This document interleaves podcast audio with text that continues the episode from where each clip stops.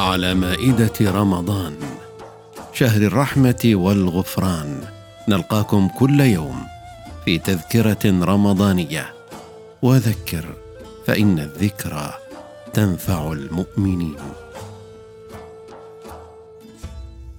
عن عبد الله بن عباس رضي الله عنهما. قال لما رجع النبي صلى الله عليه وسلم من حجته قال لأم سنان الأنصارية ما منعك من الحج؟ قالت أبو فلان تعني زوجها. كان له ناضحان حج على أحدهما والآخر يسقي أرضا لنا. قال عليه الصلاة والسلام فإن عمرة في رمضان تقضي حجة أو حجة معي. أبواب الخير في رمضان كثيرة ومنها أداء العمرة. والمسلم بهذا العمل وفي رمضان يختصر الزمن ويصل عصره بعصر رسول الله صلى الله عليه وسلم.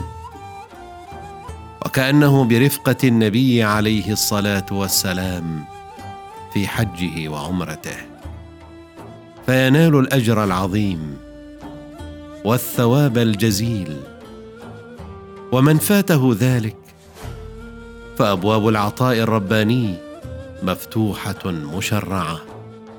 فمن صلى الفجر في جماعة وجلس يذكر الله حتى تطلع الشمس فإنه يلتحق بالصفوف الأولى إلى رسول الله صلى الله عليه وسلم.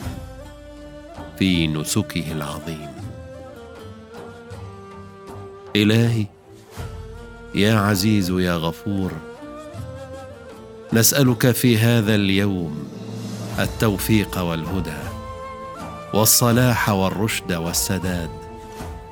اللهم ارزقنا فيها الذكر وباعدنا عن الغفلة واجعل لنا ولأهل الإيمان جميعا نصيبا من كل خير. تتفضل به على عبادك الصالحين. يا جواد يا كريم يا الله. وآخر دعوانا أن الحمد لله رب العالمين.